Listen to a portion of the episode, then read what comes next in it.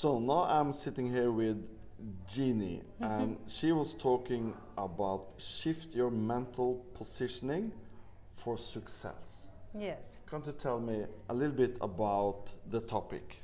Yes.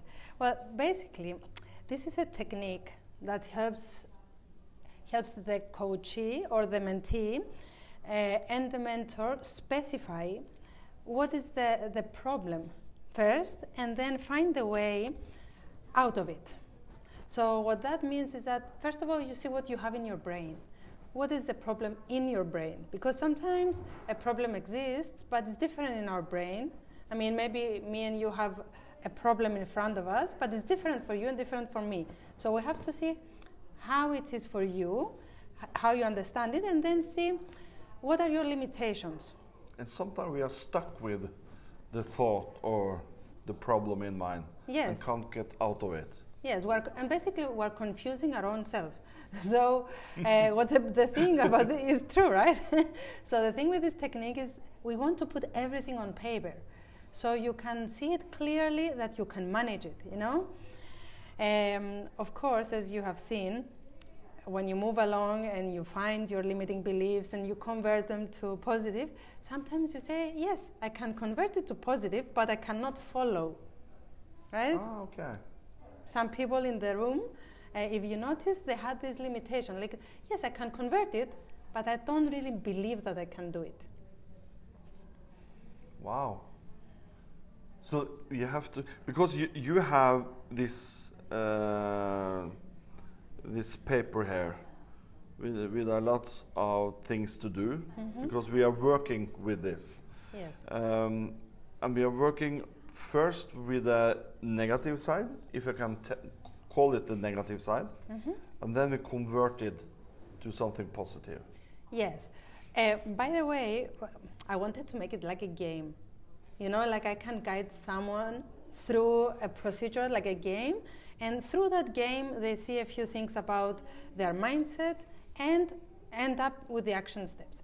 So I think that one of the most important things about the board, the, the game, let's say, is Mhm. when you get to understand which of your values you are not nurturing by having this uh, Yeah. issue.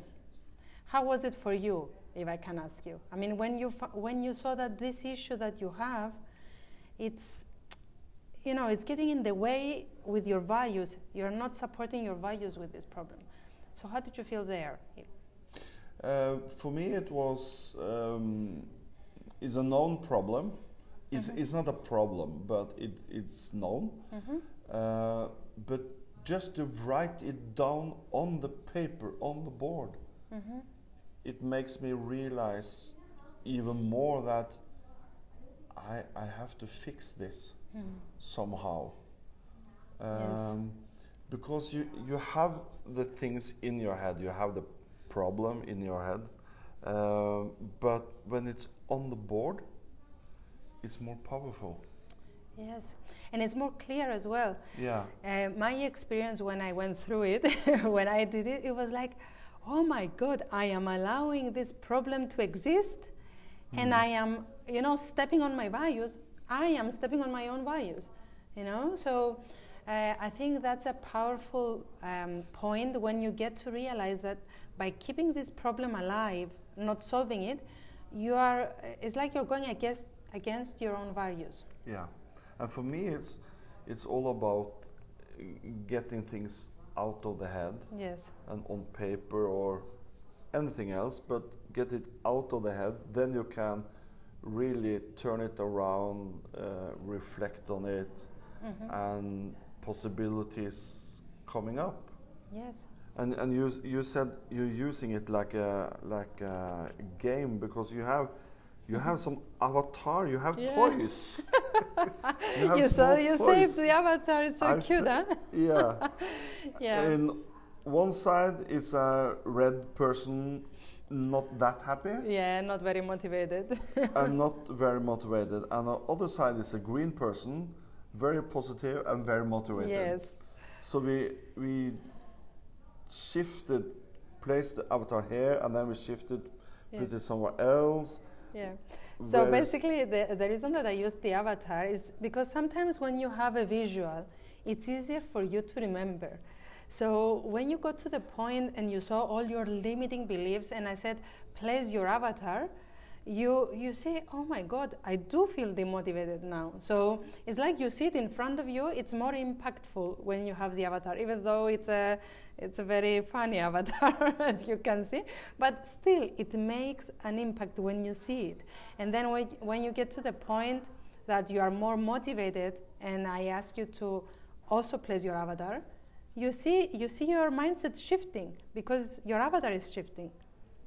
And, and for me, it's all about making the people in the in the room working. And you were working with uh, with um, the game, as you call it. So you're using the game. You're using the the avatar. Mm-hmm. Now it's not that motivated, but now I have shifted from one position to another position. Now I can turn the avatar Mm. because now it's it's positive. Yeah. So I thought that was very very nice, um, very nice seminar. Thank you. Um, but you have been here for two days, so you have been here for different seminars. Mhm. Uh, which seminar do you still remember? Okay, so I, I found many of them very interesting, uh, but my greatest fear it's, it was the AI part because I didn't know a lot about AI and how it will affect. Uh, I didn't even had experience with the GP, GPT. Chat GPT, Yeah. yeah. So um, I wanted very much to to to attend that, and I found it very useful because it's like my fear is calmer now because I Mm. saw the strength of the human uh, uh, also. Yeah. Um, so it, it made me feel good. Um, but uh, it, the two days were full and they were very, very uh, strong. Like, uh, and I met interesting people as well. It was a very nice experience. Um, can I just mention a small thing about the the board? The yeah, game? yeah, of course. Okay, one thing that is very interesting. I mean, um, you, you see people when I asked them to change the avatar, they were not sure if they could change it to positive. And there, I want to say that this is where we see our resistance to change. Yeah. Because you see that you can change it, but yet you cannot put it in the positive one. So, this is our resistance to change, and us as coaches, we can use this technique to talk about the fears afterward, to talk about the action steps. So, we help them go through the fears and make the action steps. So, this uh, technique is the beginning of working is not uh, you know it's not the end result you don't do it and all your problems are fixed i wish it was like that Yeah. you know but it's it's a very good way of putting everything down and having material to work with your coachee or mentee in order to see the fears go through them and move towards the action steps Yeah, because it it allows you to be quite clear Mhm. in everything. It's uh, 13 different uh, steps steps, and you call it the mental positioning technique. Mhm. So, for me, it was. I was reflecting and I was thinking that, okay, now this is quite clear for me. I have to do something. Mhm. Um, I think I maybe have pushed it away a bit, Mhm. but now it's back. it's back and, you, and you have also done this with with uh, young people. Yes, in a different way, of course, because uh, the younger they are, it's not easy to understand it like that. So I will explain it in different ways, maybe sim- simple, simpler Mhm. ways. They use simpler words, of course, but it works with many ages and in many contexts. It's like a good way to put all the information you have down about an issue and also work on the fears and the action steps, whatever the age or the issue is. Uh, even in business, we can use it. Wow.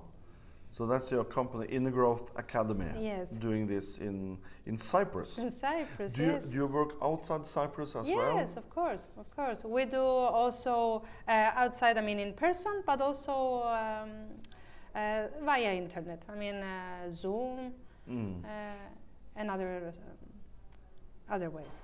Yeah. And last question. Hmm? What do you take with you from this conference?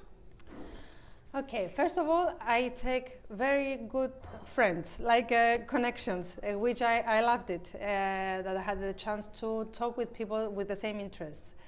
Uh, a few new techniques that I can use in Mhm. my coaching and mentoring um, um, job, and um, generally a very good feeling of being back in person you know Yeah. in a group like I, I- feel this nice sense of being connected again with people And, being part of a group. yes yes because we missed it it's the first one that i'm attending the first i mean huge group that i'm attending after Mm. covid Yeah. so it was a, a nice experience to be here I think everyone says that. It, it was the gathering, coming together again. yes Uh, We, we missed it. we missed we it need to we need to uh, meet. hmm not to Uh, forget No. to, to connect you know because we we get we got used to the online now Yeah, so we have but we to can't do everything online. Mhm. we can't do everything No. online. But thank you very much. thank you It's a pleasure to meet you. Pleasure to attend. thank you very much Uh, hope to see you soon. yes me too thank you Bye very bye. much